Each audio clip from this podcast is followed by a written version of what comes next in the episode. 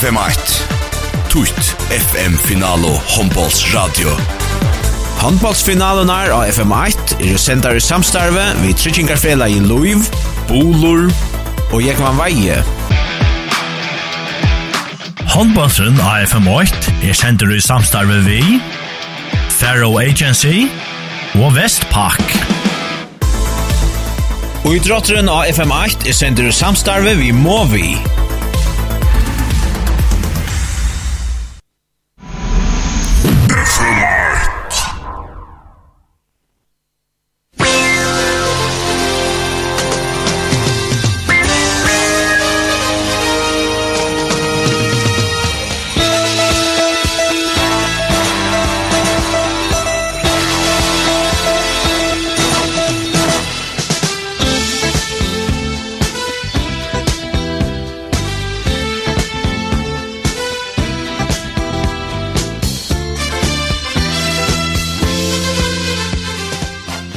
Hjertelig velkommen til enda et kvöld vi beinleies FM-final og håndbalt og i kvöld snurda seg om Burn Manstaltna.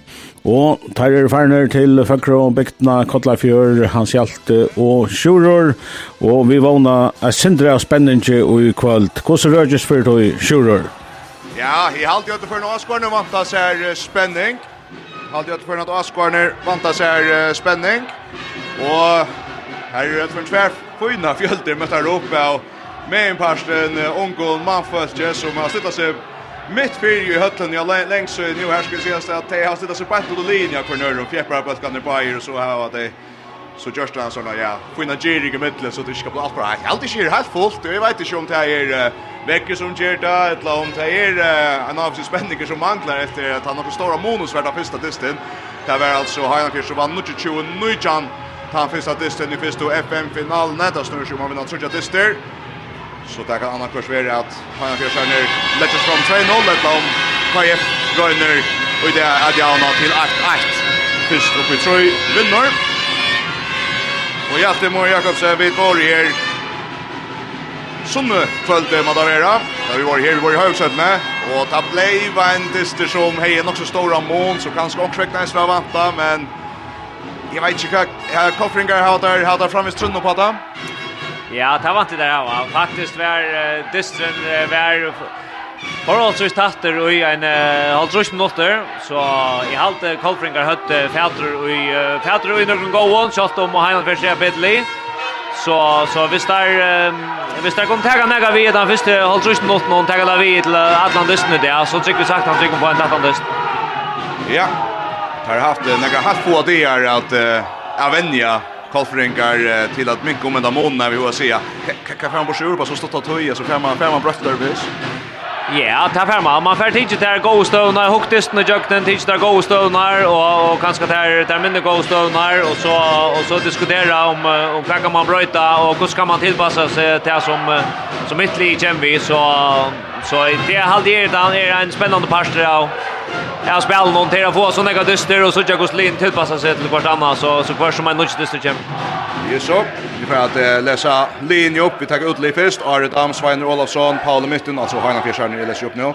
Eh Peter Thomsen, John Gord Johansson, Hans Kari Hansen, Paul Jakobsen, Daxens läkare senast. Malverja, Hanbjørs, Anna Sjætjer, Trøndarsson Frøydal, Petr Mikkelson, Janus Damdjurus, Rå Ellison, Kivakøtte, Paul Søvnik Erøy, Jon Skalum Villen, Peter Krok, Boy Hansen og Ole Mytton. Fyre KF-arner, så er det Tja KF-arner som er Nønne Soleis, Jakob Nyttal Thomsen, Malveri, så Andreas Nilsen, David Edvardsen, Tony Veier, Ragnar Gård, Eisen Malveri, Eh Bardam, Fruje Veje, Nikolaj Blisno, Hans Ede Sigbjørnsson, Niklas Selvik, Baldur Gittlason, Morsten Kristensen, Morsten Nyberg Kristensen til Europa. Hørtur, Fanna Skiktorsson, Rune Johansson og AC Dam. Dessen er just ferdig i gang. KF-erne byrja vi bøltene her i Euro FM-finalen i Amonno 2022. Og en rundt at jaune ut i SR her, holdna i SR FM-finale røyene. Jakob Thomsen byrja matcha KF av Vinsra Vondje, Baldur Gittason av Vinsra Batje, Frøye Veie. Amin i Hans Eli Sikbjørnsson av Høkra Batje, Morsten Nyberg og høyre vansjen Niklas Selvik og inn i strikene Tony Veie. Nå for Morstob og Kjolta og han skjuter nækka fram vi, han skjuter nækka fram vi. Byrjar vi i affæra Sundrin, en som alltid kan skåpa på bøttre fyrir fram i Vergar, men han fram i Malen, og så fra han från Øskjøtt fram etter Ole Myttel, det er bra, vinstra batsjen, Niklas Selvik heldig fast. Det er, en frukast till Highland Heinanfjärs är nu börjar vi Paula Jakobsen i Mala vinstra vange Janus Dam Djurus av vinstra batche Ole Mitton av Mine Paula Mitton och högra batche Peter Krog och högra vange Peter Thomsen in i strikne Peter Mitchellson. Ein minut der färden Heinanfjärs i sin första alloppe kan jag förna kakten till inte i sin första alloppe. Det var der. Han er mitt för Viola mitten och Graver møtt högt så for Peter att tysta. Nej, det högre och så bara en jumpner brottskast. Her er brottskast. Det brakk rad i jøkken i Ruxie. 0-0, men første brottskast i det er ved Leitje Peter Thomsen gjør sitt reier at jeg til. Peter Thomsen. Eist en av storspilleren senast. Og han er av toppskytten fra i Malon mot Jakob Thomsen i Malon. Peter høtter fyrst. Og så skårer han. Setter bølten. Fram i standande fot noen Jakob. 1-0 til Ha en oppgjørs spalt i 1 minutt og 45 sekund. KUF er aftur i Alope. Spela bøtten håller runt i mitten bakken her, så til høyre til Morsten, Och innan mina så kör strikeren opp til jobbet till det, Tony. Det blir Morsten, han tripplar in i mål til høyre, så innan mina, jo fri i stora fer. Kassa Wern, han ser, han ser litt for Shota, og rymmer mal, ja. Han stäpper helt inn av Shota, det kan synes, og Batsi, kanskje ikke støv han kjøser, 8-8 i midtlen. KF og Heinan Fjers og Hans Eli skorar og her så kommer kjøtt fram etter Tromsjom og høgra vogn Peter Thomsen i jøkken så tvei et Peter Thomsen ved Sørn normal jo ta Anna Tja Heinan Fjers og i det KF er nye alle oppe vet. Vi kan ikke her, så ser tempo på en av veien. Morsen inn i måte min. Fru i vei, opp og kjøtta! Pauli Jaksen Bjergar, Pauli Jaksen Bjergar. Heinan Fjers er nere fra at kjøtt i alle oppest. Jeg vet ikke, her skiftet Sunna Alves skjuter igen till Ole mitt och spelar sig med Paula mitt vill det bra Olja från vänstra backen om han släpper vi och släpper hektiskt vi är vänstra vång men spelar över Bruksla Liot. Vi frukas oj så häver Jamstam Juros med luften att titta som flytt sammanpress det här ja med the flyer arms och flyer KFR alltså där den och annan. Och jag lopp någon hämtat Oa att det ska bara lufta efter. 2-1 och det blir han också kött. Jag ska se dem. Ja, jeg halte at uh, mot Zaina så ser det ut til at Kolpringar uh, av SS4 av hvis der skulle ta på det, så skulle uh, Høyvisinga kvefa mest av da, der har taklet hardt der blir vi. Uh, faktisk spalt på ikke alle spiller eisen, jeg har gått nok uh, brent feilskått, men uh, en fin byrjan på det. Ja, bedre enn senast, da heldig vi har tjenesten at det kanskje tog en god lødgjød om arbeidsindisten og allsmessig. Ja. Ja, man ser att det kommer en nörd intensitet i på. Det är så jordla kvar i rot och tar så ser rotla kvar för där runt och hallen för slägare. Det tar kvar för fulla av fysiskt så startar så här vinner det. Nu är det Ole mitten så ger just det här för en så blir han tacklar mitt fyra över helt en. Jag så löt gärna för släppa den Pedro Mitchellson och fucking guys go over framåt. Det är Tony Vei och Fröje Vei, bröderna som börjar mitt fyra och börjar omkring i fyra mitt om brøren Tja Heiland Fjers. Nu er det Peter Krog, han er som slår, han styrer seg leisa, han og bojer ut av vinstra, og hva henter er guldkorsk, han kan gjøre Baldur Kittlason, for ja, det er nok så, nok så greia tackling av Peter Krog, skal sluta sig väl och virda läsa när honom och så fär. Få Karlfrikar stäcka stövnet, han vill nog inte alla upp till Heiland Fjers, men han, han kan göra som fär tacklat här. Peter Krogsten nu mitt fyra Tja Heiland Fjers, Peter spelar Lola, av vinstmense, så till Paula högermense, Jim Paula Ramina. Nick Nikkan Brorsons. Lever han mitt i Paul mitt och vi har in någon öjlig renneskåte. Han har lankad av pant mitt fyra och bøtten stryker upp på malhåttene. Kiss riv där kjørne för in. Tror jag till til Fjärs. Öjlig skåt, öjlig fyra. Ja, og, og at det er noe som senast at øst, Kolfringa mo Moe har flere bjergingar, det har gått nok sett hatt av klister opp i tryggan, men, men Malmar skal ta skotten skåten i utenfra hvis det Kofringa skal ha mølaga. Kofringar i Alo Morsten fra högre, stretchen mot Mine, så er fria väje. Och jag syns inte Ivast og så er det hans el ihop att som läser innkast kaje, där vi runt blir fri, där vi runt blir frikast kaja. Vi runt blir frikast til kaje. Tony. Spiller, så jag med kastet opp til Fröja og så Skiftar spörna till med bulten så får Tony en strik när Morsen Nyberg lever av för högra batchen. Lusan Plosser täcker inte av Korsne. så han ser Elik, lyckas till Morsen på att sitt inte väl han börjar Lusan Lusan det ja Hon är Grycken av strik när Svans Eli ut i högra batchen. bryter vi är till Morsen Morsen rönnar på bulten nästan där att inte frukast KF tackling mitt fyra från Hanna Fjärs. Morsen tycker Fadri Bulten back mitt fyra hötta center så krossar han runt så fria in mot min ut i högra. Han ser lin mot min norsk kross där så sen strykne. Brukar öde aldrig han tar ner uppe för i Weimar och när vi är någon trots nära stryken där framme i eller över. Och det kröstöva tror jag till han fjärs han i alla bjatter. Paul Mitton för Romina spelar till höger till Peter och tar han färden som drar.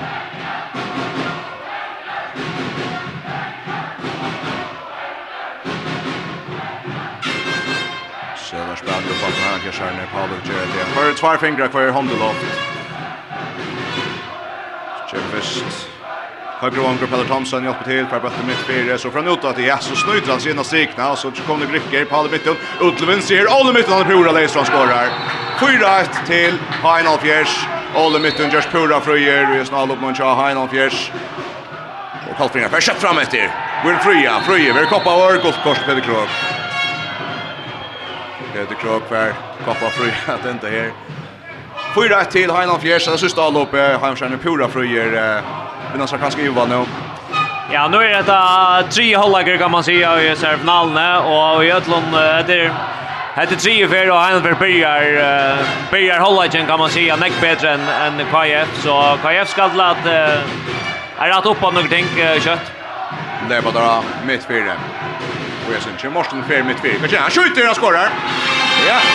Steppa hellre åt han har till skott där och Mikael Mond till 4-2 Morsten Nyberg Kristensen med sin första mål i dag. 4-2 till han fjärde chansen där kött samman vi Ola och Paula och så blir Ola tacklar väl över det lite snabbt.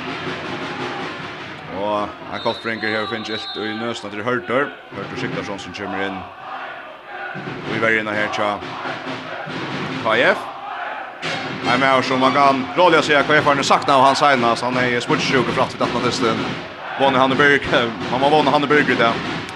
Ja ja och särskilt att ha Tony fick rekordsta så att knappt hon kan uh, strikspelare hört hur är otroligt väl fin fysiskt han vill snugga skjuta benen någon longer men uh, Trons niv om att han för att uh, han för att täcka harst och och Husing kan komma mest att att det kommer ta på. Fyra, 2 till Heinan Fjers, Heinan Fjers i Alubjer, vi har en lutstegg her at han har et gulv skal torskast, og leikaren vi skulle, som man ser, etter at en av saman brest, ikke til at det er vi for ekvist at den ega sår, ikke utvisning kan helt der, men det blir gulv kors kan man løy. Heinan Fjers at i Alubjer. 4-2 til Heinan Fjers, vi har spalt i 20 minutter, Paule Mittus, slår vi i Lola Mittun, han bytner mot høyre, så kan Paule pakka sin til, for jeg vil ha en utvisning klart, sikkert sånn. Och lägger prata om han, han skal nok takla herst Det är färd. sier har sig affär om här nära av Ola Mitten. Färd om här nära av Ola Mitten og så er Hanna Fjärsö i dagsens fyrst första EU-tallstöv. Det var inte sån råa pjäsen också, tar du sånn sådant tippar så att farsarna annars har en utvisning. Ja, men nu, nu har vi sagt at det är så inte tändrar och kolfringar, men det måste vara tändrar og så ganska vara bytter måste sagt, men at det var en bytter utvisning av oss och dölja. Har han fjärde sedan Hega Strix på en till Paul Sundegär. Han finner Strix nu som spelar vid Ola som Paula så högra vång. Paul Thomson Öles puck jukt och flick vägen mitt fyra och här kommer Ola mitt och mål tar en loft av bulten och skorar till 5-2. Har han ja. Spelar spökstomman i högre och jag skulle till att det att det är allt man ser ofta tar för att renna vis vis fångar först puck så renna där mitt fyra. Men Kolfringa får köra Joshua West eller vad? Nej, nej, nej. Det är att att vi ser från sista på John Elias och och och hade er, att den ikke inne og sånt der. Jeg tror inte drønns der i øyeblikk alt jeg har gjort. Av ångre Fishbook så ska man være klarer og ta etna sølja väl där. 5-2, flott mål från flott mål från Ola Mytton. Vi fri vei å komme til og skjer, og Røyna Kjota i vinstrand etter at han har sett, sett seg i Jøgnen Peter Krog. Takklingene så fær åreka så mykje at, at her er frukast. Jag vet tror jag står runt sig vid. Så han och spelar öl alternativ till Kottringar och man stigs men väntar ner Vanchnon. Han loppar att backen och ända vet på att tackla är Kottringar i Oliver Morsen Nyberg mitt fyr. Han ser lite kommer mot det på Iras under crossen Morsten. Morsten vill släppa sig här Lejsan. Krossar till Fröja. Fröja där vänster helt om han jobbet. Han ser det Lucian Plåsa släpper jumpen. Han ser det han skorar. Fem så i lag görs på FBK månen. Ja, Frida ser från vänster till höger krossar krossar krossar han ser det han Ända så vi har fintat sig i öknen i högre. 5-3. Egentligen fotboll. Ja, i ett lust ut i förra dysten hon at uh, så just en aggressivitet han hans hele livet, han var för passiv men han är byrjar väl i, i hesten dysten noen. Fredda Tjøkken, vi han kjører ned Peter Thomsen, Skorar där spela, Nega spukst i högre, men går plån och går plås till Peter Thomsen som skorar 73 mål i dämon där vara 6-3 till Heinolf Fjärs. Det blir väl, skorar 6 mål, har man haft 3 mål mot assist. Ikke så galt blir han fra Peltre. Kajfarner, vi alle oppi her, tar Skjøtta hørt innan strikna nå, Tony per en stek, vi har spalt i knappar 20 minutter, Nutsjon Holvan. Nutsjon Holvan minutt. Kajfarner, vi alle oppi. Frøye. Og et streksbank kommer opp til at Joppa skal skifta, så det blir morsten nå. Det kan mykt fri hans el, så fri. Fri hans el, spiller Frøye for tjøkkenen, og Paule Bjarkar. Paule Bjarkar, fri slipper til et uh, sindeløy skott. Färla stä korsne, Paul Jackson Bjarkar. Och i stegen är det Peter Krog som för fram och han hever rätta stora fjärsta ut i Malen med Löjse skått, ja korsne, renne skått, helt ut i högra batje, det är snöjt i Mali och så tjejtröj brott, ja. Tjejtröj till han fjärst, 20 minuter farner, 20 minuter farner. Och att en känslig faj att, att Malen inte har kanske skjutsat rätt klattar ju. Ja, ja, og det er så ikke jeg løtt ut av målmæren lengt fra, fra tagget til Kjolten der, at det ikke er en så god skottstå at jeg bedre gråk, men, men målmæren lengt fra tagget han lukket, så tog jeg det nevnt ut. Oi, snå. Flere ganger ganger bedre tjern, for Morsen Nyberg fra Kjolten midt fire, bøtteren fire, nek om han fire. Fajan Fjersjärner färra fram som avor. Och Paul i mitten, slutsätta med en jökne. Han har luktat fått vid mitt fyra, så han fröjer och så sätter han bulten in i nätet. Åtta jag till Hajan Fjärs och Julian Johansson kan hjälpa ner läckta gröna korsiga borre. Like bra och där skiljer man väl. Jag syns inte samma testament som som i i förra testen också. Knappt jag så får han en sån rick och och släppa släppa John också stora fjärsta upp och stått och. Ja, då tar vi så oss här i början och senast så det här som Höjvinkar öla lacht. Där skulle inte Tar slisje leit og sånne gorsk jo ifra kommer den goa, den goa skådstøve, der gjør grunden bare en man mannstøve, og flikva for boi og få en lattskåd av mal, medan Kolfringar skulle spela lunge og tega nekvar, strujas snek mer for å komme til en en nøglunda skådmålega, så, så det kunne ikke være verre bra for goja. 8 trøy til Hanna Fjers, vi da spalt i går 20 minutter her i er FM-finalen, vi har lukket hver stolar FM-finalen og FM1. FM1, tutt FM-finalen og radio. Håndbollsfinalen er av FM-8, er sender i samstarve, vi trykkingarfela i Luiv, Bolor og Jekman Veie. Håndbollsen av FM-8 er sender i samstarve vi... Faro Agency og Vestpark. Og i drotteren av FM8 er sender samstarve vi må vi.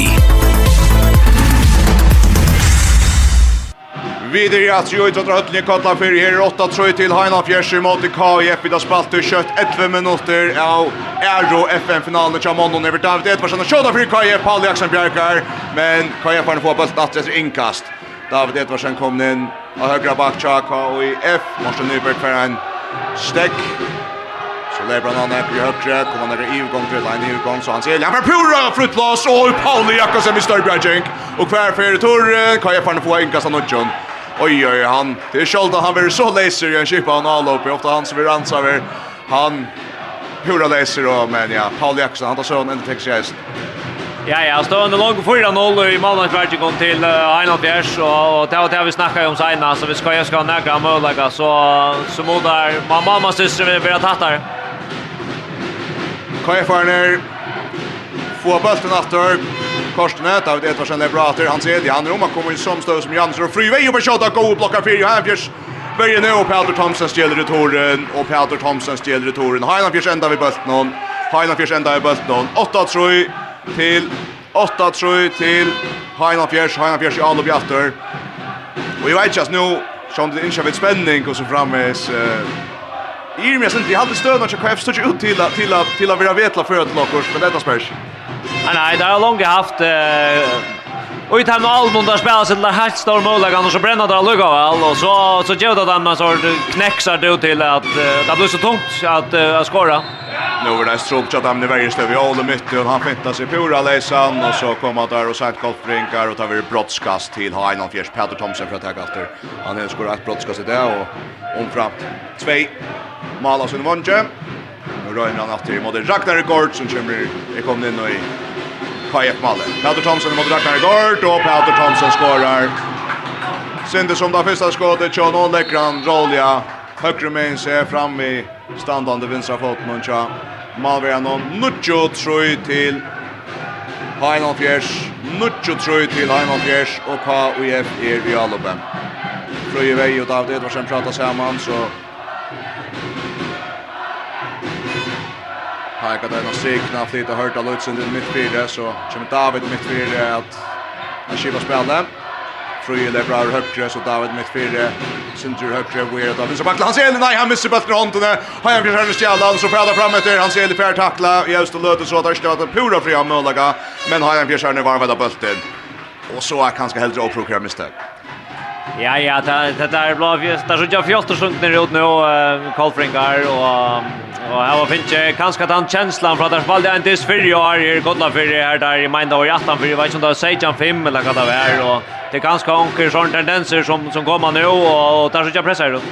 Ja, det är faktiskt eh det är an är för vi ser från Hespan Lennon och i godla för och Det var nämligen, jag minns det där, men inte kan spänningen vi vi we Nei, særlig, særlig støv at jeg som var lengt åtta Atlant, Atlantisten. Men kan jeg fann få beltet nå, Heimsson reka stønsta, kan jeg fann fram i alle batter, her sjåta Huxtava Peter Krok, alltid som skjedde av skåttet at teke stønsta, og Koffringar får i toren fra fram og i alle opp. Koffringar skjøpte Nikolaj Blisnov inn av vinstra bak. Så tror jeg ikke ofte spiller bakker langt, men her er godt skått. Ja, han är ett gott skott, men, men han dår inte så, så väl att sätta sig självan och i det goda skottstövna här, så han är faktiskt en hampla nämnläkare att, att däcka kvartfall till häsar världen. David Edvarsen mitt fyra och skjuter och framåt från David Edvarsen. Han har Björn Sverige, han Hikker til sjøen i kvart David man får å spela bulten nas, men han så långt bara till David, och så mykker han mot 24. 24 til Heina Fjers Heim, skjærne alla på alla mitten Ole som plats ut av en så han er ikke tråk, Ole sier der. Ole hever tråka av en vinstra batje, og Kaja Ferne på bulten åter. Så vinner kan Kaja Ferne bulten. Just kvarter færre här på just ett kvarter færre, och i Euro FM-finalen i Chamonnon. Koltringar har hatt en sikri här hemma Heimavøtlen. Bayern Fischer har vunnit den första dysten. Och så samförande vill jag säga. Vi touchar mal och nutcher 20. Nutjan här på en till Hauda Eise. Vi samförande första kvarteret. Snurkjan som har vinnat Suttjar. Ja, hvis sin finale dyst nå. Fyrsta vinnat Suttjar dyster är förjarmästare. Och det ser bäst ut så här. Halfringar här fick ju stäcka nu i världen. Tvärfärden för Nikolaj att komma till och smitt fyra. Och så högt vi en skåd. Du ska han dribblas läsa. Så hade han väl rakt i anledning sedan. Ja. Och där blir en utvisning till Peter Mitchelson till Heinafjörs. Og i tar störa Chaka IF. I tar störa Chaka IF. Og Hans Eli kommer inn til ham. Nikta Bistan prøvd at det er ferdig steg. Hoffringar. Og i alle bøtta av Edvarsen var sen skipar i da Morstøne kom inn av høyre bak. Kjærpølt ned. Ikke skjåta, men så da vinstra vong. Bader Gittason står bratt Fischer i där borta Andersson. Här flyger KF ner. Då blir det när strikna över Morsten. Morsten och Erik Hansén Lina strikna Tony är från vänster och Paul Jackson Bjarkar. Paul Jackson Bjarkar striker skottet från KF. Och Paul över fakna vår. Paul Jakobsen över fakna vår för en annan Bjarkink. Ja, om Lorsen helt rätt vid den tack och next så är det till att det sen Ja, ja, stå han er uh, at uh, för Paul George 5 Bjargar och Kaja för George 0 och det är 5 mål månaden så så han på kan nice för enkel til, til det som månaden Ja, Paul Joldo spelar samman här till Heina Fjärs, Satcher Fröjd och gymnastik när Chatham och ner, han kan Malberg in med en Pat Mitchellson i utvistor. Det är Dahl i mitten, kommer till när ut i högre, om man ställer sig högt, kan se där frukast. Frukast. Frukast till Heina Fjärs, vi är till här. Høyre bakke Peder Krog, for ansvar nok högt, skjuter han, og fram i, og fram i. Nuccio fyra til han, Fjers kan FR få bøtten atter, og alltid faktisk telje Montavera Trui att Acha här som kan få ner på förra för för Malle så här skulle jag skakta då nu. Ja ja, och vi såg ju det förra det nice när det var löter här som kan få han var var go. Och och nu har vi så sett att det är 25 minuter här så nu börjar att vara tattar i världen då. Oj, där spelar väl nu Kaja Farner. Morten Nyberg tröste bulten Tony Veje. Han lyfter och någon häckneskia. Han är pura fängar av två mål. Men så vet han nice. Så man har en open nice till. Han ser det. Så stryks på den spelar ut av matchnatter Och här är pura frukt i jökten. 5 till.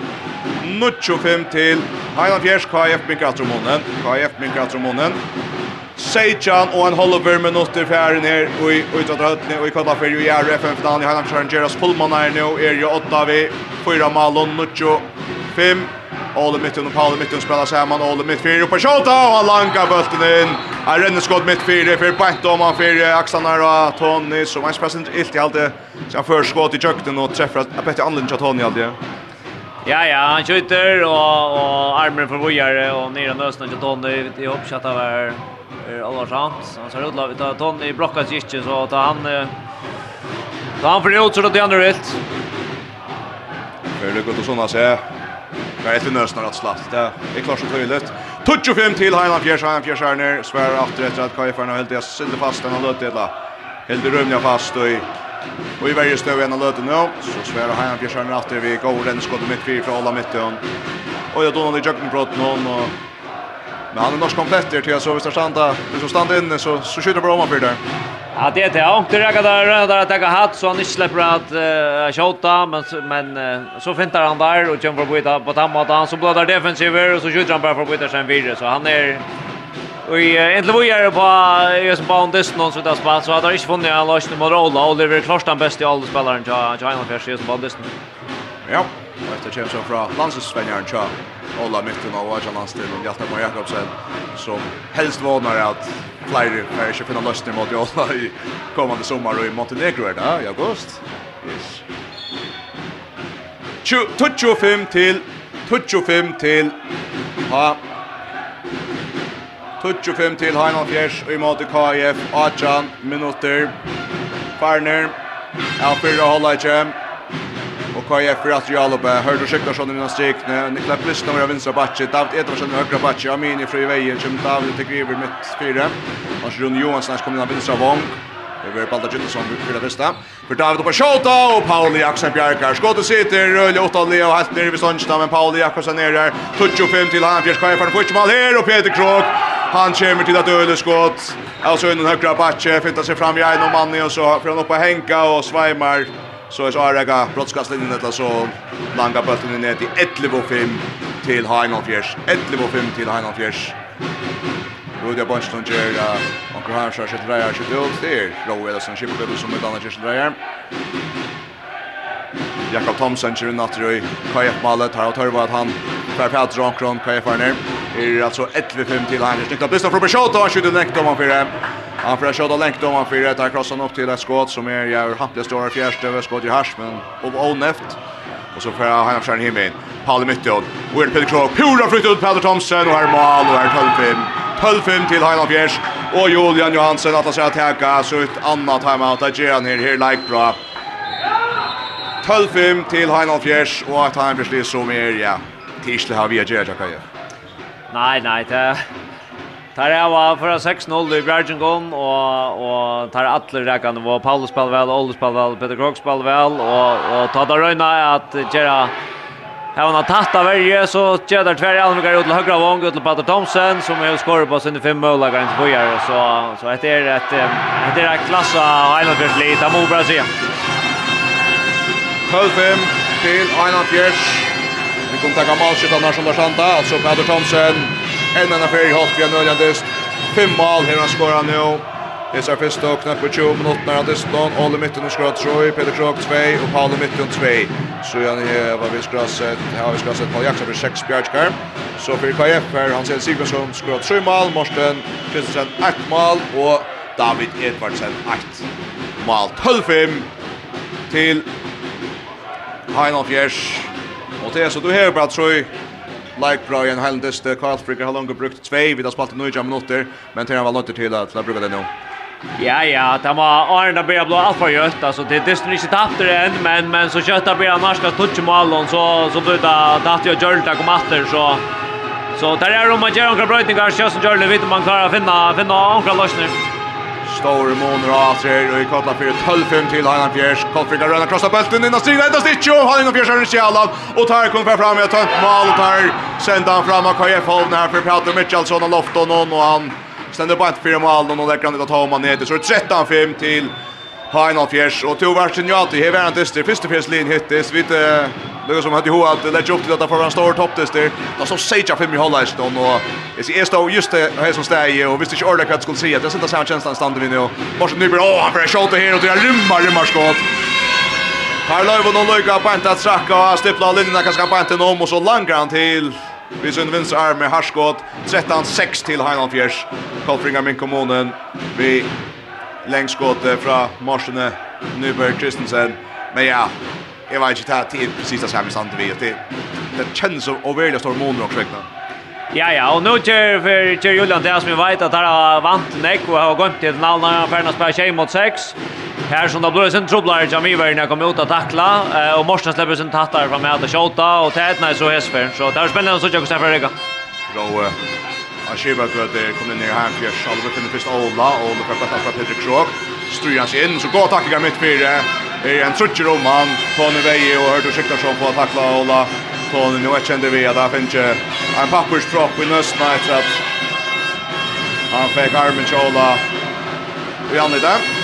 Han försörjer det på Anders Domaren uppe. Pelle Thomsen lägger tröst. Så Ola mytte och om man fyra, om man fyra. Kolfringar. Få bulten i malkastet. Kolfringar får bulten i malkastet. Och Kajefarner och Jarl Bjarter.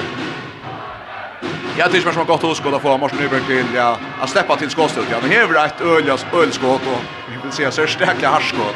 Ja ja, det är bra, men och han har spalt han har inte varit något over i som av någon så så till att han lyckas ganska släppa halva med tattar på mål för ganska göra en liten mån. Det är faktiskt ut ju Oreg Öl så det Svein Olofsson ut ju.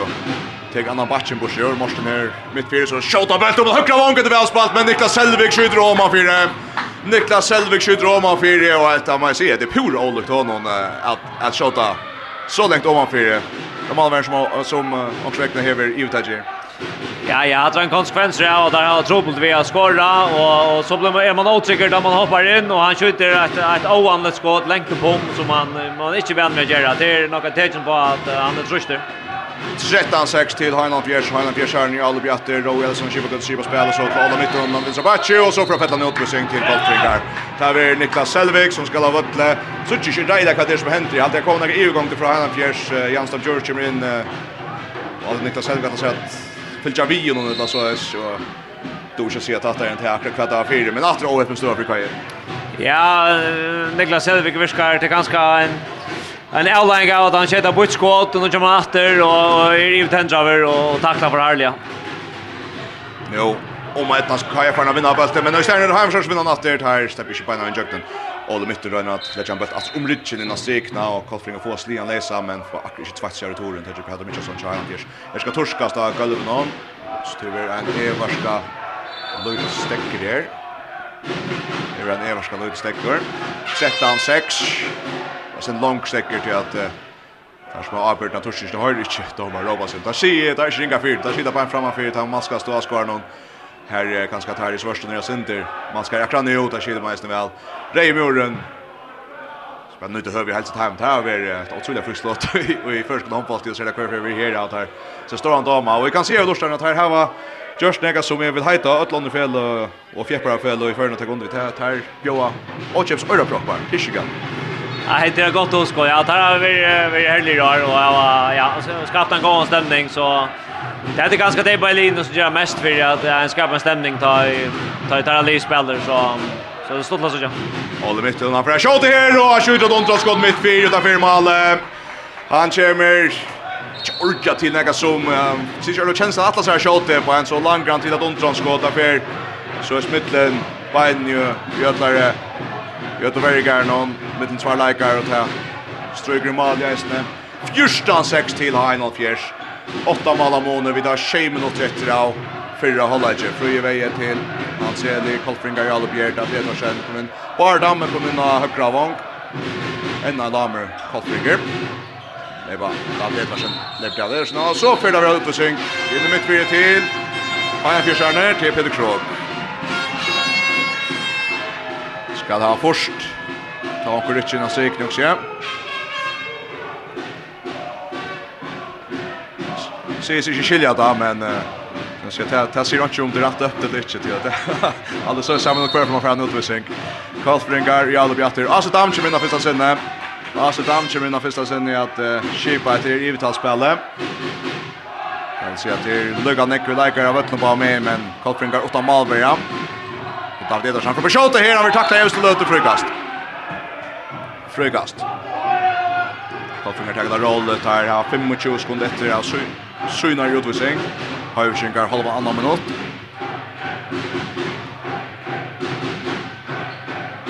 David Edersen upp en gång. Och stigna Asien där här och ett gott spalt och han skorar. Väl spalt av Kolfinger och så Kjurstad Tjej.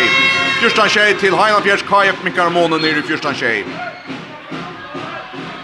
Då pura frier. Ja, ja, det går spalt. Det som står i legend av David Edvardsen til det han han får lite trøst och och Scholten man är ganska inte spalt så väl inte vad gör så så är han i skott la vinna den gå Elbring. Han sa dam som är runden av strikna Josh Pura, Pura läser. Skorar väl här efter. Han har Björn Stjärner nu som Ja, det ska ju skjutas med koppling i fullman här. Niklas Selvik kommer in att där, men uh, man söker palla mitt över Bojare och så spelar Paula Tromsø. Om la vinner Vång, Janstam Djur skorar väl. Janstam Djur har vinner Vång, så är 15 tjej. Eller vad? Jo, 15 tjej, nu kommer det att halvna. Kolfringar. Leva Attor. David Edvardsen och Asse. Dam fra sina strikna så är det. Hans Elik kommer i röd. Jag vill säga Johansson. Johansson rätt. Jag spukst väl skora. Lägger bulten i lång Paul Jakobsen. Minkar månen i 15-8. 15-8 till Heinland Fjärs. Men ja, ett givet spel som Rickard helt ampliga vältja jag för honom. Ja, ja, nu har det spalt två två goal goal på i givet så Det kan vara att det, det skapar sindra momentum till där här och annars alla online haft trubbläggare att spela så det går nog gås över. Här Heinland Fjärs är i alla bjattor. Paul i mitten og Skibakgøte, så holder mitt og Pauli at jeg vinner smegen, han vil takta her nekka. Niklas Helvig mister fotafeste, og det er som døgn støm der enda frem, frikastet til Heinafjers, frikast til Heinafjers til Tidkjem. Og tar bytje på nutt, Kjem Pauli fer mitt fyr, fer bøtten her, så hun høyre, Roa Skibakgøte, at Ronses, Kveitland Kvefa er frikast her, er frikast her. Ja, jeg tror sista bøttene, Pauli Åle og Roa, mitt fyr her tja, Nei, fjersten ut Ole, Ole tripplar over Hilton, og så stepper han seg i bøtten. Heia for kjærne varvet han. Petter Thomsen til fire, og så Weird Palla midten, og så bjerger Jakob Thomsen av Paul i kjøyter rundt rådskott. Jakob Thomsen vil synne fyrst bjerging i det også der verer. 15-8 til Hanna Bjørsk, hva jeg får fra fotla fyrir fram etter, etter seg godt utgjøtt av, han ser i kjøpten, men Pauli Jakobsen vil større bjerging. Och att äta kvar jag för hur ser nu ser det gott ut. Nu gäller det att det så så ständer Paul där till nästa året, då. Ja, ja, han visste jag vara ja, en av de största profilen och, och, ja, det var väldigt första delten, men, men vi såg jag väldigt ja, lukka som senast att det är han är kanske den bästa den bästa försmålmannen som, som vi tävlat med. 15-8 till Hanna Fjärskaj. För nu varvar det bulten vid inkasten. Nu för Morsen Nyberg skjått och Pauli Jakobsen för en annan bjärkjeng. Ett det skott vi såg Marsten skora öl ofta under vann i domstolen men Paul Jakobsen är som har skott där till som han har last att han har första mål då han skjuter Marsten skjuter nere vid höger med sig alltid bollen över rött posterna posten och Rune Jarstein men 15-8 till här fjärs Paul Jakobsen blir slösat till fyrsina åttonde Bjärkingen så är det han det som att vi Lions som är i första distan här inte vid 16. Här är det 2 minuter och 45 sekunder efter ja fyrra hålla i Jaus här i FN-finalen. Hajan Fjörsarn i Alupe, Weird Peter Krok och kvad händer det frykast. Frykast till Hajan Fjörs. Ole mitten första ägg, Paul i mitten kiva spelet, Karl högt Peter. Det är Paul ja. Krossar Roa, Roa ut mot högre, så Peter till Grivrat, krossar mitt fyrjatter. Så spelar du vänster, Puro Lianos, och han skjuter fram i. Han skjuter fram i. Kolfringa får bollen datter och han försvarar inte mål fram med 15-8 till Highland Pierce går tvär mot västra fyra hållet. Kolpringa kör över kött fram efter. Så mot till Hans Eli, Hans Eli. Krossar till Rona, Rona in mot Verna. Nu måste han till och sker och han skjuter med Pauli Jakobsen Bjarkar. Och så kastar han kött fram efter Peder Thomsen. Han först spelar bollen Hans Eli rör väl hem och vär och i blinton slier bollen. Leisan och så äntrar han Kaje Fonton. Väl det av Hans Eli och Måste säga, gott instinkt. Han ser spölten men för vattrar armen av bulten och så så får han bjärka ta som kanske kunde lukta en tryck och male. 15-8 och ja. 15-8 och vi kommer bara bli alltså. Är det 3 för 3 för det alltid. Paul Jackson bjärgar kan chefen komma till. Jag ska som Chita gärna vilja komma till. Ja, ja. Ja, och så att det det nästa lag med Hitchcock Kolfringa gör det. Där spelas det okej. Skottstör nu och men Paul Bjerga bara kvar för. Ja, just det reste med vi pratar till Niklas Dustna och han Bjarkar så kastar han sig fram ett rätt och längt men Jan Stan Jurus där och akkurat och han är fram i måltajen han loftar bollen och så skorar han till 16-8. Bollen nu så länge fram efter det här men Janos no shoulder no kvicker till att få bollen när han kommer fram till KF Malverian. Och skorar 16-8. 1 minut 34 för hållet. 1 minut 34 för hållet. Och Kolfringar i Alupe. Niklas Blistam mitt fyra. Och ett Tony Veja strik, Den kommer upp till en Skifte så tar det var sen. Högra backen in mitt fyra. Fria Prima. Touchfett bulten om backar han där. Niklas efter. Fria mitt fyra. Fria Björja. Går David. David undrar skåta för läkt fram i. Han färs nära han. Oj så längt. Vi måste så in. Jag för fram i Malnon. Och Einasta gåa för Kajfarn Hesar stöden till att Hamskärnen släpper inte orka så kött i allop og Hajan Bjerg spyr om like bra vid her var 22 sekunder etter han fyrir halvleitje her er 16-8 til Hajan Bjerg 8 mal av Mone vi tar lukka kvar stolar snir FM-finalen av FM8 Kjørsvaller FM8 Tust FM-finalo Radio. Handballsfinalen er av FM8 er sendar i samstarve vi Trichingarfela i Loiv Bolor og Jekman Veie Håndbåndsen AFM8 er kjenter i samstarve vi, Faro Agency og Vestpak. Og i drotteren AFM8 er kjenter i samstarve vi Movi.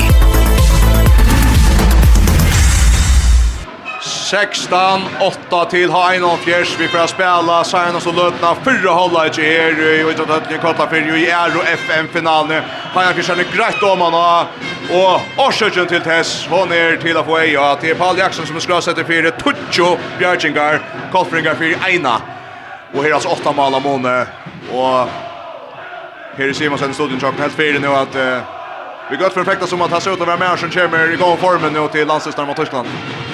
Ja, ja, det är det är faktiskt det är otroligt stort att såg jag hur så stöj han ständ tror. Det är det ordla gå Bjärtingar han han är igång där i i som Desmond och Jag tycker det är inte om vi får sådär den här mannen presterar ut i Europa innan för några år.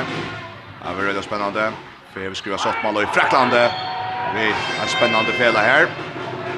Och nu, ja, det är så jag få en av fyra fyra att han kör nu och jag har hänt det. Vi att vi stäcker och tända 16-8 vi förra inte. Hanna Piersarner har tossat pinch i med något och har tjej just kontra finansierat lang och mål att ända vet att spela bultarna i händerna av KF någon men KF har ta och lukta tog till att till att rösa till och kasta fram emot Malmö men här stannar att han förskapar fyra. 16-8 till 16-8 till Hanna Fjärs. Och vi kunde ta här kött samman om att det är den grundorsaken Paul till att till att gångt ner som hon är.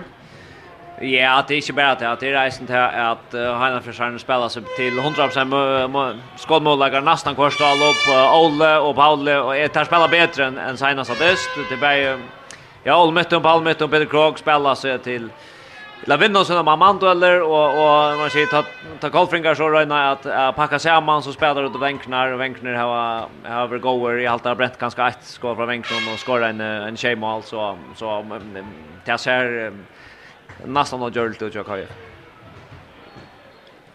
Så vi har alltså låtit ska vi inte samföra och lustar om att uh, det kan bli spännande att klara ut hur det här samföra det här om det. Nej, vi vet att det står när kom om vad det är det det bästa li i i förrun närkant då och och det här säkert onkel om äldre vem man som som var Bra, och som du mer men men är alltid att det är är allt njöt njuta det här en förslig. Är dock inte vi för så ett så är så gott liv för så delt och i länkat då vi vi ser hur nägant. Ja, så om tid eh sakta spänning så kunde vi alla förna journa till till att vi nu ser fram nu alla alla särskast och lägger vi då så Och i länka tog i förrjun och tar för allt utomlands ett sommar så till det vi kunde njöta ut för en hända distan till och vid lugga gala kan jag färdigt slöt det skop jag kunde sätta hålla kvirfrist. Här är 16-8 till ha en halvfjärs efter fyra hållag vi tar en stekk over at vi satt noen mann løtt. Hjalte og Tjurur, her er kommet inn en stortligere spørninger fra en lorslare. Hvis en lorslare spyr uh, Reie Muren er til Paule Jakobsen.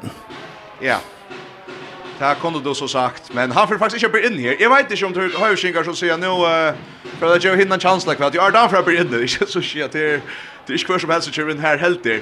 Men alltså alltså 16 8 till ha 1.4 och om till slår sig för hålla det så kommer se att han står och till det här att Paul Jakobsen här stäv touch Bjargin går och touch rimmar rimmar Bjargin.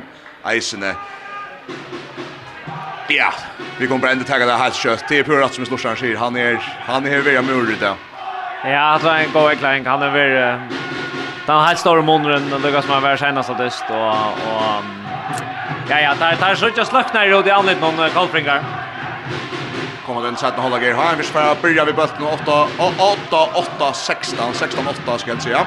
Nu spelar där runt och spelar sig. Där med kallfringar vinner bulten i vägen. Kallfringar vinner bulten i vägen. Vi tar kvar det tar för att skipa sig om där släpper kött i alla fler. Då fria vägen spelar Amini til vinster til Asa Dam og så teka der där av i bulten. I mål så er för i sätta er Jakob Thomsen. Av vinstra vann Rune Johansen, av vinstra backen Asa Dam Amini Fri vei og høyre bakke David Edvardsen og høyre vannsje Niklas Selvig inni av stryk nir Tony Veie. Fri vei som skiva spille. Nikon høyre av Stam til Griven hengar mitt fire. Som Rune Johansen rundt av Vitsa sitter seg helt om han har høyre bakken og strykene her. Av Stam og Fri vei spiller sammen mitt så som David. David nu blir av, røyna steppa han, og det, han blir ikke. Og til nega frykast til KF. Frögast KF framvis 16-8. Framvis 16-8 till Heinolf Fjärs. Nu spelar vi Alkofringar Asedam, kommer igen av Freki i gång och finner sig plås. Bant i tjökna vägarna och färbölte väl och så är 16-8 Sheimal Amoni och Hemsjön. Ja, Loppe Peter Krog skjuter. Alltså Rennesgåt här han eh, ska snöjtra synder. Jag brukar högre hånden nu av högra backen. Men Jag ser också Jakob Thomsen, otroligt god målvärd. Han som han tackar oss här som kommer att lyssna. Ja, hvis man snakker om at Pauli har gått kjølsallit, så er vi Jakob, så han har ikke det her, va? Han vet han har spalt mer enn halv annan dyst, og han har haft, eller hva er fra fyra bjergjengar på, på mer enn 70 halvleiter, så det er skott nok, det må man si. KF og i allopes Sejan Lucho til Heinan Fjers. Koppingar spalt seg vel i tjøkken her Senast allopen og rann etter frivei på Kjota om man fire om man fire og Malkas til Heinan Fjers. Ardam setter bøtten i spil etter så fyrir der fram om mina Høyvskingar Roa Kjiba Gøyde Vinsmen Word Peter Peter Stefan Lysen fram vi Finne Paula så halvt i timen sa fyrir siden Nei Peter han røde kan håplå vi i men så leder han seg takla mitt fire leder han seg takla mitt fire Frøykast til Heinan Fjers. Sejan Nuccio til Heinald Fjers. Paul mitt under bra. Skjøyde mitt fyrir. Så bjerga Jakob, renneskåndet mitt fyrir, og Høyvikingar er, eller Kolfringar, og efter seg ganske heldig sida en himmel. Her er færre få et innkast, Høyvikingar altså, Kolfringar slår bølten borster, tar der røyna fåra bølten, og jeg kom atter til Frøyan Høyviking, så tveit der seg og slår bølten borster, han prøvde innkast til Heinald Fjers. Så returen fer til Heinolf Gjers, tatt han nu få av en bjergjeng til, ja, i ega Egasørst. Ja, ja, det, nu, nu fick det äntligen en bjergjeng som vi da ettløst, og, men så, så det dette bøtten ut til Høyvikjengaren. Skal det torskast av gulven her, nere skal det stäckor.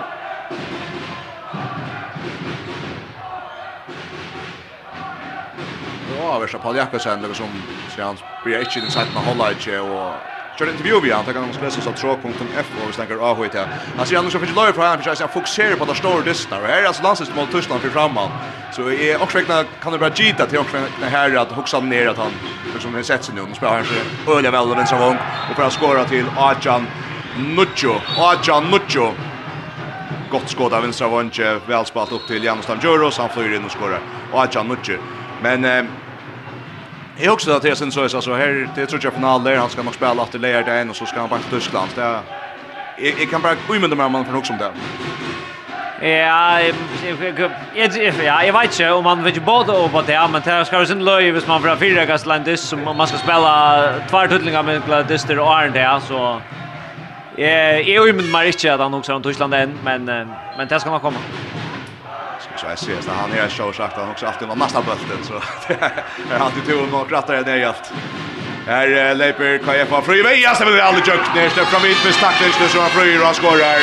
Mika Monen i åtta mål efter och Jan Tucho till Final Heinolf Fjerskallfringar Mika Monen vi fria VM. väja.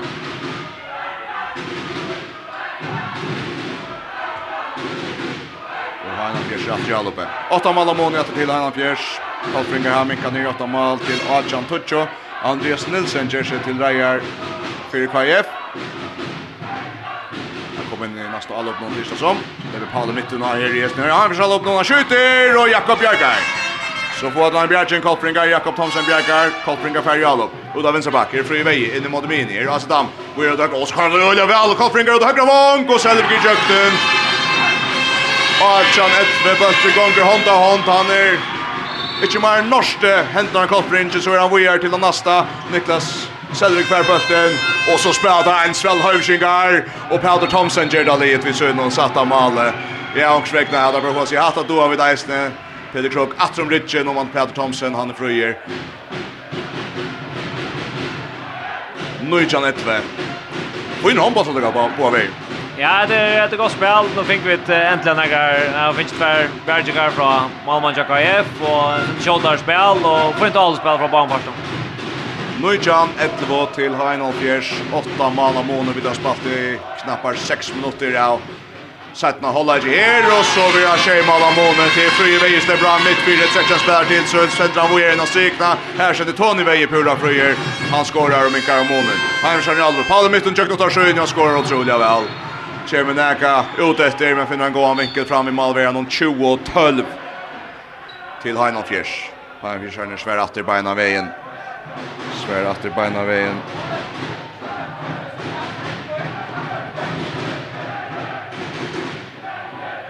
Tjugo tull till Heinan Fjärs. Kajefarner Jalobem. 24 minutter etter å spille och Koltringar gör all her. Frøye veie.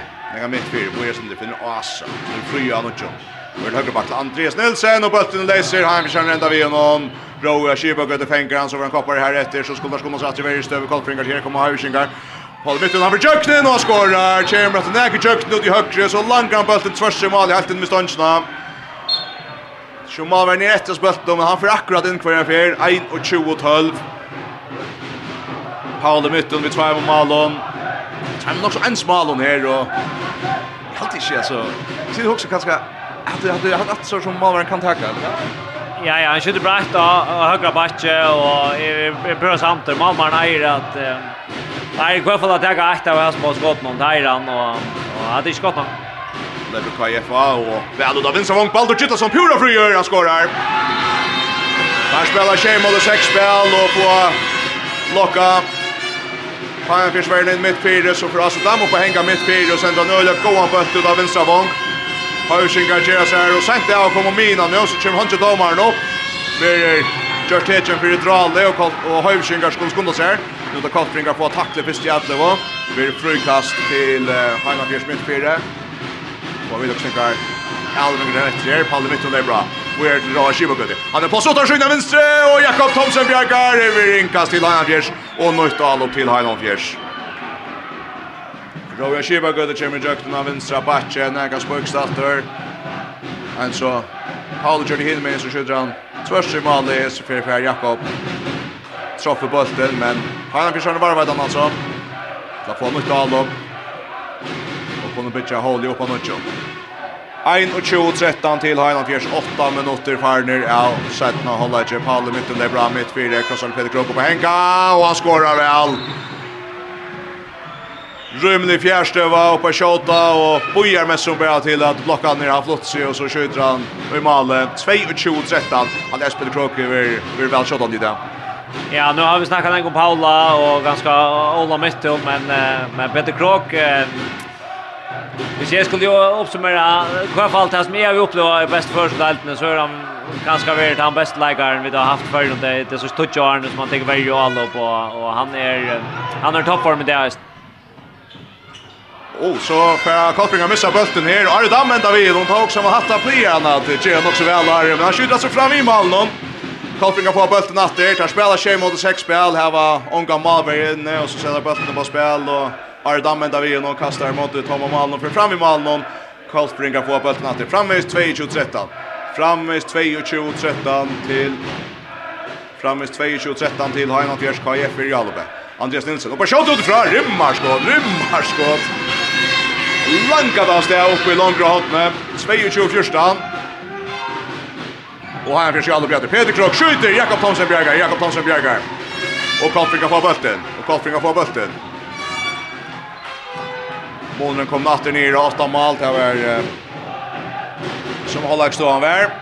22 första 22 första till Final Fjärs KF i Alabama Fröje Veja, Vinsra Batje, alltså dammit för Andreas Nilsson, högra Batje, Berg, Hörter och Tony och Stryknon ofta så tjejer man i alla uppgången från Fryk. Plats ut av vinstermatch, han skorar väl Leisner. Han skorar väl Leisner. 22-15 och i nöj med att säga att alltid det är några frustrationer i Heimersverige näkran, ja. Ja, ja, Peter Krog säljer center och jag alltid har i Richaftan Bjargingen så det är spårningen hos Lundgren tagga tagga en första mål till spårningen hos Lundgren där Torra att här var Paul Jakobsen eh sitter där bortom. 22 15 till Heina Fjärs. Heina Fjärs blir om like bra och vi såg att här är centralen kvick och Saverio mot sin tjej mot sex spel. Som är som är där som kanske ska rosa Kolkving och Pirja. Nu tar på att ha väl rycka nu. Ja ja, alle spiller nu i setten av Leitz, tja KF er för vi öliga gott. Här långt ska tjej mål på. Den nästa ska lucka ikke mål på. det Där finns touch mot när det gör det Anna Pirja like och Og det er så godt, og nå skulle det bare lykke med Sinter, det er ikke Sinter fyra i i varje bars någon så kunne vi våndande på at det er ganske nyere enn förra mål så vi får det spenning. spänning gå. Det är det som att ta så hur störst det är så vi måste göra det här att blå alltså vi tar så störst det är ett störst ska ligga och allt det som vi alltid tar så nu till så stor distans här för chansen så vi måste testa det. Ja, självande. Det är alltid en för Och han säger om man är neutral eller inte som som Oscar så vill man gärna ha allra helst ha en dattandist och och att han går våna vet vi får att han Ja, jag tror att han strular väl Chuck jag Koffring här. Jag förstår inte att han satt någon hålla i kött för en kvadrat och spelar vi vi vill går.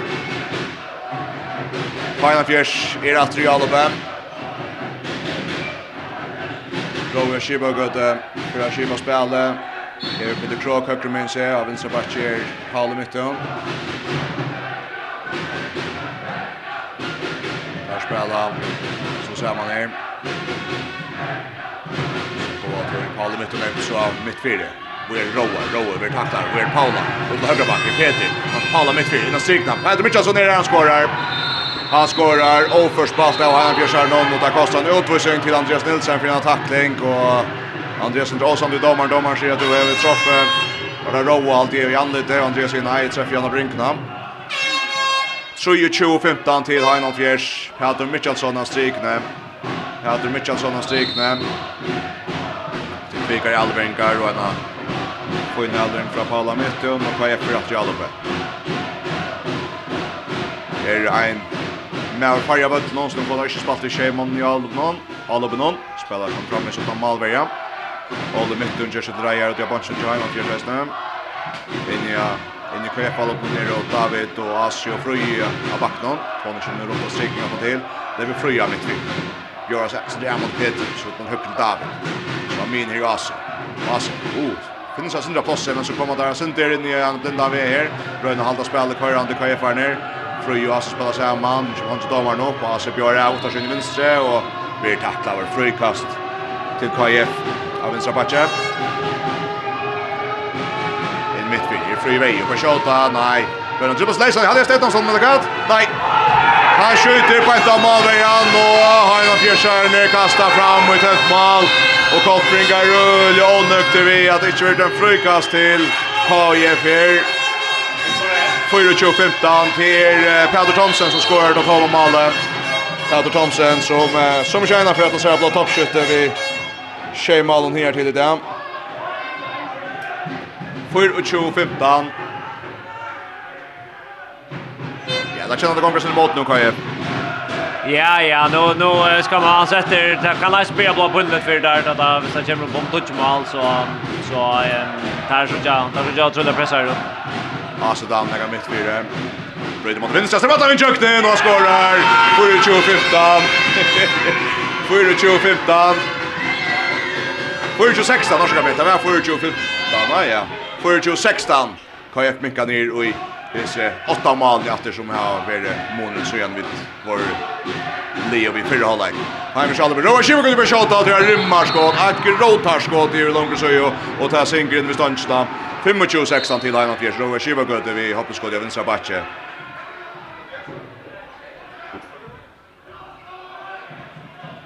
bäge linje faktiskt och säga att här där har Nekva likar som björs till Nekva backar som björs till och stolt att söka så är Andreas Nilsson kommer in att det är man inte ser så ofta långt och då kör gott det sen som kanske och korrekt mot talent för sin minst spel för det gott Ja ja, det är två lis med att gå bra och man ser vi tar ut något nämnt eh, Roa Chipakotte och och han är vidare profiler och en korn Örnlie men han är bara snäckvar som är som är goare som man kapas vid Lino. Jo, vi är väl skåra fra Baldere, in sinne, tja. Chuck KF där spelar en Juan bult om han vinner av Wong Baldur Gittasson loftar honom för röda spukst i jökne men skårar otroligt väl framgöra dam och Adam är schaft nökter och så ser han vad ska Paul Jakobsen toucha med mål nu. 25 och Sejan till Heinol Fjärs. Fram med sig 8 mål i månaden som har varit sjön i Sönestechen då kör Paul Jakobsen att i målet. Fast fast stor upplevelse för Rollagen. Fjärs i själv. Paul i mitten mitt fyra og en råa. Sånn er smitt for skjøyter, og bøtter for nete. Sider skjøtt allia, men Jakob Thomsen er ikke bøtten. 26 sier til Heinald Fjers. 26 sier til Heinald Fjers. Da får bare helst Bjergjen. Nei, nei, jeg drar seg skål som uh, Malmaren eier. Aldri eier at jeg kan, der er veldig han stender og han kjøter skål, så nok som mitt om alle. Og... Att det är bara att det bara blir en trubbel i KF och men till vågar att ta på vår bjärkar. 6 och 20 säger han till han ska jag för att jag uppe för i vägen den går ut i vänster för nu har mitt fyrt i första när så blir just Nilsson hötter oss inte där och så kommer in i vägen och brottskast. Han kommer på fram i vägen. Ja, han blir skärna Jennick får sjöra sig att han ska göra så nekvet men han får alltså strust i mitten. Värläggaren Chahan Fjärs Paul Jakobsen ändar vi Vi har bjerga skotten som tar kjemer, men her er brottskast fram og undan. Her er brottskast fram og undan. Niklas Selvig att tega brottskastet.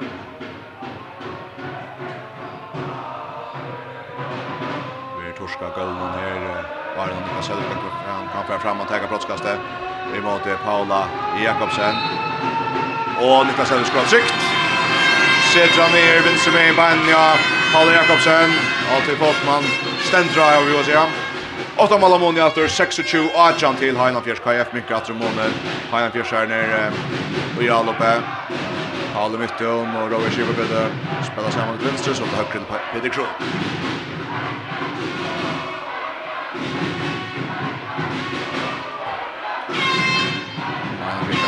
Paul Mitchell innan segna. Peter Mitchell som fänger nu och väl vänder sig men Malmö Bjerger ska vara också brottskast alltid ja. Och en utvisning vänster skulle väl Peter affär sluts att han vill runda om väl lägger när vi går så gör så blir han helt innan Niklas Busten har sagt och Peter Thomson sänder till Reyer.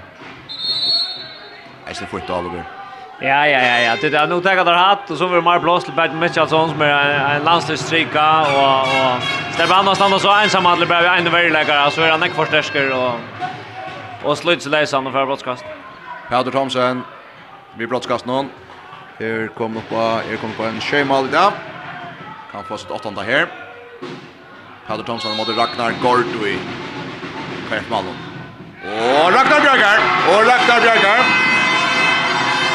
Han sätter sig ner och läser fyra. Det är målet nu också.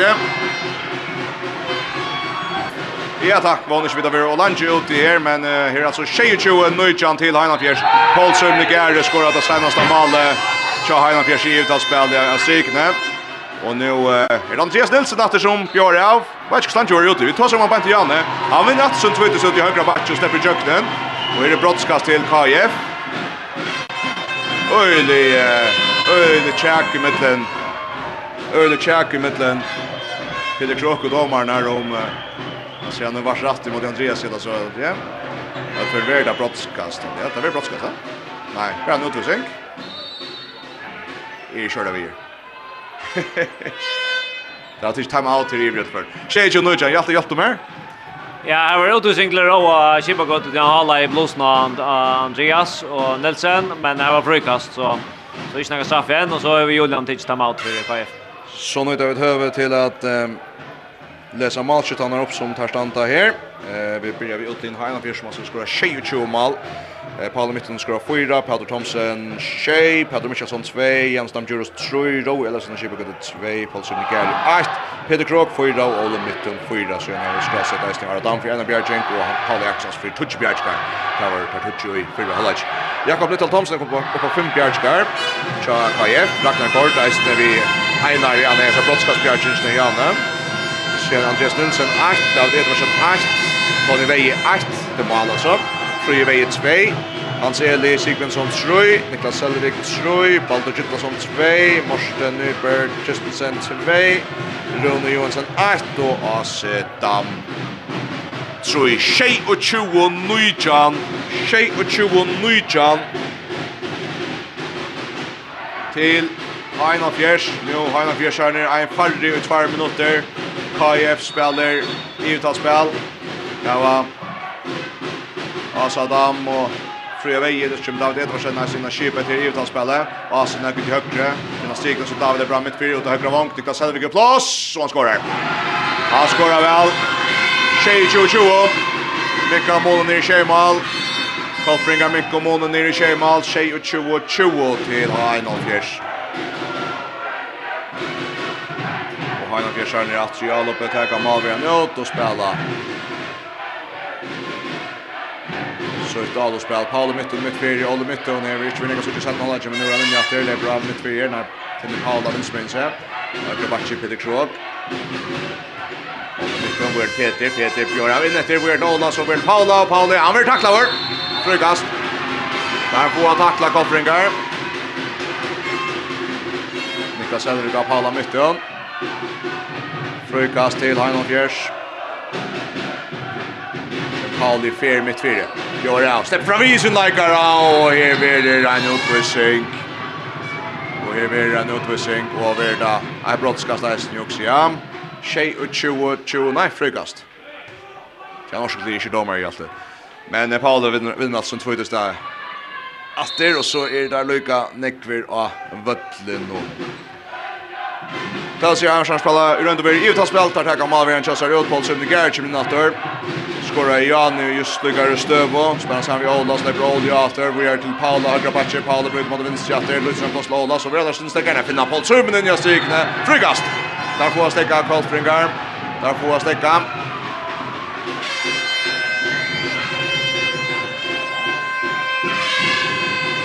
Så spelar han. Ola Paula samman. Ola, vi är stigna. Åh, han blir dömd för tråk. Ja. Och så kastar fram mot Tom där kastar fram till Selvik Helter och han är tömt mål. Kjem här fram till mål. Och Minkan ner i sex mål av Måne. Tjej och 21 och Så är det sex mål av Måne. Niklas Selvik visar någon 15 mål över det till. Tjej och 21 och Vi tar vad går 11 minuter att spela. Knappar 11 minuter runt över då. Tjej och 21 och till Tjej och 21 till Heinald Fjärs. Men nu har Kolfrinka Finche Minka. Och Månen. Och hötten kvartar i høyrest. Det er noe det ska være. Och det mitten av Tromsö. og strikna Petter Mitchelsson er där. Og han skorar. Han skorar till 8-20-21. Ole mitten. Vi fixar i Alverink. In till Petter Mitchelsson. Och så är 28-21. Koltringar.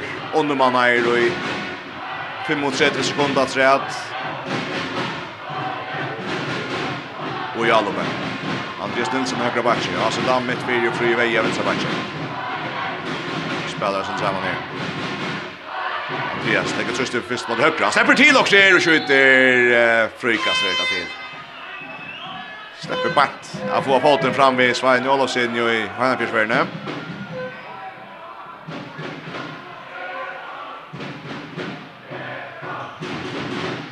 Kleiber strykast, annars för det skott i Howard Korsnen, spelar på det högra vonk, och här i närvia bättre med Mr. få natt Korsnen. Så spelar väl Kolfringar och Pauli Jakobsen Bjerkar.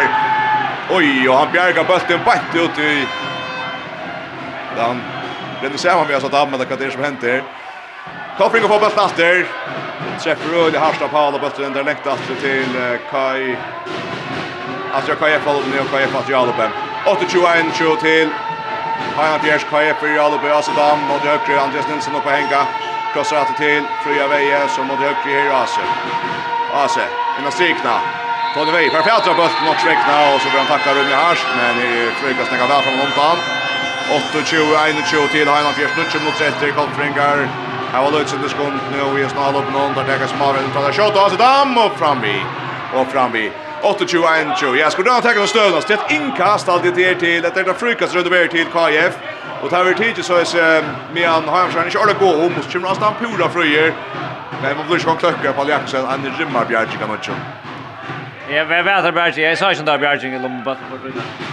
Ja, men också till Arent och Asa Jimmy Jöknen. Hör, hör, alltså En knalla tid och bättre med har ju att träffa och så förlyra han efter KF-hållna sent för fram vi för han så fram i. Och nu är det Laika som för fram vi till han för Paul mitt och släpper bra mitt för han. Kommer en annan för för fram i värlagaren så tvåt han sig jukt och skott till Nuccio Chu Angel Paul mitt och upp i fem mål. Spelar sig en gång där till där Paul. Ja, och Juja går det stan till Robert nu. Nu att ha spalt vi har chatten igen och och en av vers. Och vill jag lucka lucka den här distansen Så i vantar spel igen Tar tror jag måste säga så färdar skiftet. För alltså där man finns så pura från jökte med Pauli Jakobsen en annan fair vi Bjärchink. Alltså där han pura fröjer och för soffan det åt och ta skiljer vi all 20 21 22-21. Ja, och sen av värsta Paul Jackson för utan gålet här i sjätte ta Han så stäffesta en hypotes om att han är månen där och det ser efter ut att han vill präkva. Ja, ja, KF spelar faktiskt på inte och alla spelar har just att han satt någon like, men men Brennan satt det liksom för näck var friar möjligare. Notch och 20 och 1 och 20 till. Notch och 20 1 20 till. Hein och Fjärs, Hein och Fjärs är ju alla bror Niklas Selvik, Lut Sambes med Hanna Paula och Fersen Ylt Niklas. Han är okej att det. Eistin landsens hopp, någon som skal Tysklands i nästa vecka. Just en av vecka. Vär en något som jag tror kan sammanbrast vi häftar. Det tror det det god stämning som vi vanliga kappa för värsta blir kill. Nutch och Chu ein och Chu till Heinald Fjärs. Heinald Fjärs är i Alo Bjartor. Ja, var framme i skvärska takk om det. Det är inte minst snackar där Paula Jakobsen. Nu er det Paula Mytte og han Rønne står på bøtten av sikten, Kolfer over, han kommer i midtlig, men det blir inkast til Heim og Fjers. Og Først bøtten ut til innkast, og så er det om å vinna bøtten, Kaja Farner, men her er Frugas Beintaren. Her er Frugas Beintaren, mitt fire.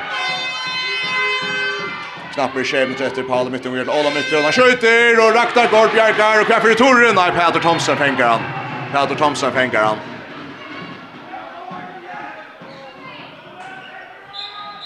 blivit imponerar av Patrik. Han han sitter och ständer vanchen här så ser Atlantisten och här är ju alltid det här stora Jera med otroligt kvickhet han ska också.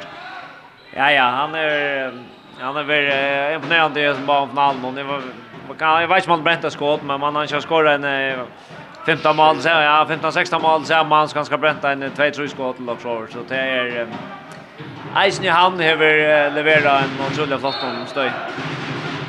Ja, jeg blir skjørner. Thatcher skjuter undan strykna. Och eller som skivar det högra backen alltså det kan Peter Krog över pausen det hade mycket så nice när jag kunde alltså det. Rolle, så Paula, Ola, Paula med fyra. Bröder mot högra över Roa. Vi är vant till högra Peter som är stökten så kvar backen innan var det meningen Paula. Paula gör det. Och då högra vång Peter Thomsen i köknen och han skorar väl. Han skorar rullar väl. Fer Rattliga spökst och langa bulten Dixon i ståndsna. Men som vi just har röst kommer upp på sitt åttonde mål i dag. 3-2-1-20. Vi pratar av igen efter senaste dest. Och jag snur må... Efter fyrre halvland i klacksvig alltid. Vi har spelat också en moment där vi fokus och sort. Och... Tackar att oss där. Efter makt.fo. Omfram så.fo. Efer fri veja skjåta, men Pauli Jakobsen Bjerkar skottet som så hampelet, det er Efer Kosi måter, tattar av någon Pauli Jakobsen ner som har skått, 32-21, 32-21. 5 minuter och 15 sekunder efter och Pauli Jakobsen kommer på sina Bjerking nummer 13, Och tar ska det stå spänt i att han satt og kvulde sig kanske det första kvarteret, jag satt sett noen pratar ju i Hollandsson snus som är man med landskåren också Nick om Paul Jakobsen. Det blir skärt han säger att att han var kvart skjuta till han till han läser väl på. Eh läser bättre på en är eller det är det? Ja, det råkte vi han gör faktiskt. Det är han alltså värna skotten att är här som lägger ofta skjuta att det är ju hemskt stöv om det är han otroligt väl fyra gånger på. Det ser man då utfallet någon att han matar han han väljer väljer mål så är han och ser samma vi hinner landslagsmannen han inte Niklas Hachvel jag vet att han förra gången så otroligt väl så i hållet där sast av Paula att han han är inte negativ video och där vet jag snart att han ger och Och jag det samme, så är leikaren ner så långt i tröst framan noen da, det är inte komma fram till goda möjligheter. Ehm Ta då så er trøster, så var Paul kvar där blir jag skjuta och han gittar rätt nästan hver jeg Tretvo, 21 til Haino Fjers, Nutje Mala Måne. Distrin kjennes det avgjørder det her, han rundt og det blir nok så lanje. Haino Fjers er ferdig skifta, sender vel ut her, Johnny Gort, Johansson, Vinstra Batje, så er det John Skålum Wilhelm, av Vinstra Vinsra Vanje. Spars der. Spars her en landsmæren, så er det Vinstra. Ja, han er snart av Timon så var vi i landstens mot Jakob och Aja mot norra så. Nej, en går spännande onkel onkel. Kjevan Evans så ungen mitt fyra så skulle så man komma ungen på mitten av mitt fyra tror Shiba går ner till högra. Han vill tackla. Oj, han tacklar sin extra hörte för Petra.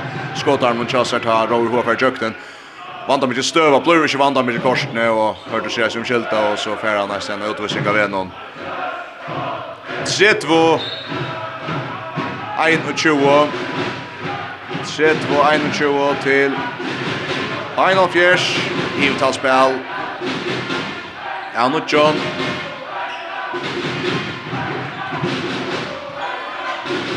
Roa pura fröjer, tar spela, mittesøyn, alle mitten, og Roa kjipa gudder Roa for en plass ut i høyre bakke, Sindebreit, langa tid, han fyrir bant i mali, 31, tutsi mal amoni aftur, tutsi mal amoni aftur, det är som nu har han ska skifta Sindri ut men där har liksom att en av startups in det är för Ole kanske. Eh just en omega så jävla livet all det. Ja ja, det lukar mycket kvar kvar spelar där man ser det är... Det här var alltid onkra klassalägare in ja, in jag vet någon som vinner ganska ha annan man och och Elran go Elran we are som så Jerran go amol att nästa man. Och spelar kopplingar väl. Stigna Pura Fröj Tony Veje, för bort ifrån Saddam. Där bort ifrån Asadam og skorar 31-22. Tony Bay vi ser sønner. Det var hans första målet, andra mål, ja. Andra mål. 31-22, Trutja holder vi minutter etter. Og her er det på Heina Bjørn og Lektor Bjørk. Boy Hansen er i köknen. Nå Ragnar går Björk eller kvätt. Ja, det gjør han. Bøtten hun har stekket av hjem mot malen. Men Ragnar helt runt ute. 31-22, så fer. Ragnar Gård, så han sier Bjergjeng. Så att åtta bjärskar där har vi skrasat där fyra. Det är så är det fett läge än i förra halvlek. Det bärs vi nog mycket. Förra halvlek men för final. Ja, akkurat, akkurat, men eh ja ja, det är så väl lätt från något det och och och det är såna gamla som Jag ser så mycket ur Erik Schottna åtta bjärskar i gränsen i Ystad var lite och och men det är såna gamla som är som honom överstår det där och 1 och 3 2 22 till Heinland Bjerger bäst 30 minuter efter Heinland Bjerger för att vinna Euro FM finalen. Vi kommer nästan så smått börja att ta samman om om vi kör själva det av Ötlån i allt det men jag vill säga nog så mycket för Andreas Nilsson kör på till Fencha Paul Jakobsen och Paul Jakobsen nu och tar kastar mot Tom Malmon. Ganska han kunde huxa sig här. Han kunde huxa sig här att uh, sätta punkten för distansben målet. Här vill så känns Jeg ønsker at det er rett og sannlagt at vi kjenner førermesteren i Mansombolt leierdein vi heter Lea. Det er vi det är själva första gången om att kaja för nu kom och göra några här fjärs. Nej, nej, som då så det ut och Paolo nu blir någon lofta en skott och och kastar sig ett mål och och och rakt så ståndsna men det är ju som jag beskriver väl väl hans Ronaldo att han först loftar en skott och så manglar bara lucka han sett bollen. Joel. Andreas Nilsson äger i högre och så fram på fram i Paula kommer tatt under vägen av vi tacklar näka men där får ju stäcka honom och så löser han skott i och ta stussar bak fram i Paul line 33 Andreas Nilsson alltså vi mål nummer 2 Weaver då Kjensla han skorar meire, for liksom, han, han, er, han er liksom skatt nok snakk kontrakten. Ja, han finnes flere straffer, og jeg har spalt på inte. Han og Asi har alltid faktisk vært det beste jag kan til KF. Det har ikke spalt så veldig vi har, men, men hinner har slett prestera, og, og nå er det her som har spalt på inte, så er Maja Fjersjern i alle Bejon, Gord Johansen, midtbyrde, hvor er det Roa Kiva, Gødde Svalin, så bakke, og Baltun Leiser, hva er for han få han, hva er for få han? Og Andreas Nilsson hickar mot vänster här Baldur Gittlason, han blir ansaver upp i Øtland, och så får han hvor till til väl velspalt Niklas Selvik och han skorar. Stossa på Øtland under, Kalle Erkansen, fra Mikkomålen til 1.34, 1.20, 1.20 skånd etter, 1.20 skånd etter,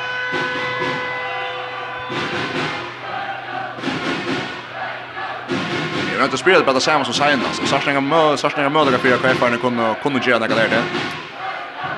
Så Paul Jakobsen etla Peter Krog, det skulle jag ändå tvär sker till. Det är alltid vi måste vara så längt att se att han har också det hända vi ska jag några möjliga. Det är det som står månaden lite. Er är halt trusch sekund efter 1.34 till Heinolf Fjärs och så skjuter där mitt fyra rätta Svein Rolfsson som skorar igen. 2 och 3 Skott mitt fyrir og Øyle varsla ut i middelen og skvarner. Annars er vi hoa gjør en eklein. Det er ganske mån til kanskje til finalen vi så i i manns og kvinne håndbolt i fjør. Så er ikke lukka fått høtt i kvöld. Og det er ganske nasan av at man ikke er vant til å heste av spenning. Ja, ja, det er nok måneden alene som, som gjør det. Hvis uh, hva efter dem så er vunnet seg nast til at det var enda jaunleger eller pluss av etter eller så, så er det nok vært flere folk. Men, men mulig å vekker jeg spiller sin rett. Det er skjønnet, ja. Og det får ikke komme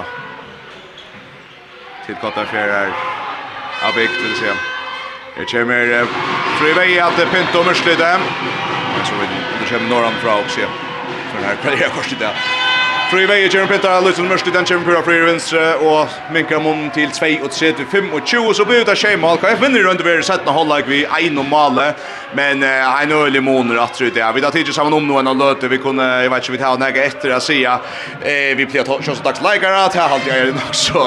Det er lukka latt til Esper, kjenner Ja, ja, det er rett og Paul Jakobsen, det er en snive, det er den helt store måneden. Ja, vet om vi får Gran Paul Frank att det sätta året det är ju att hon man ska göra det. Så få kanske Julian Hansen kanske någon så kött över kanske få en reaktion. Annars så kan han kanske köra. Så han ja. Så jag tar Julian på det här han Han för han häver en torfer torfer uppgåva. Hon var torfer och hon blir bara som torfer att att skulle få näck på 7 och 15 någon. Ja, nu ska jag försvara Jolla. Jag hade någon mån är bara så så stor där att det är så mycket gott li att det tror han sagt för att för en takt som input till han kommer vi så så så så är det inte kärast. Det är det förstår man och det är någon och för en goal like our us nine för Flynn.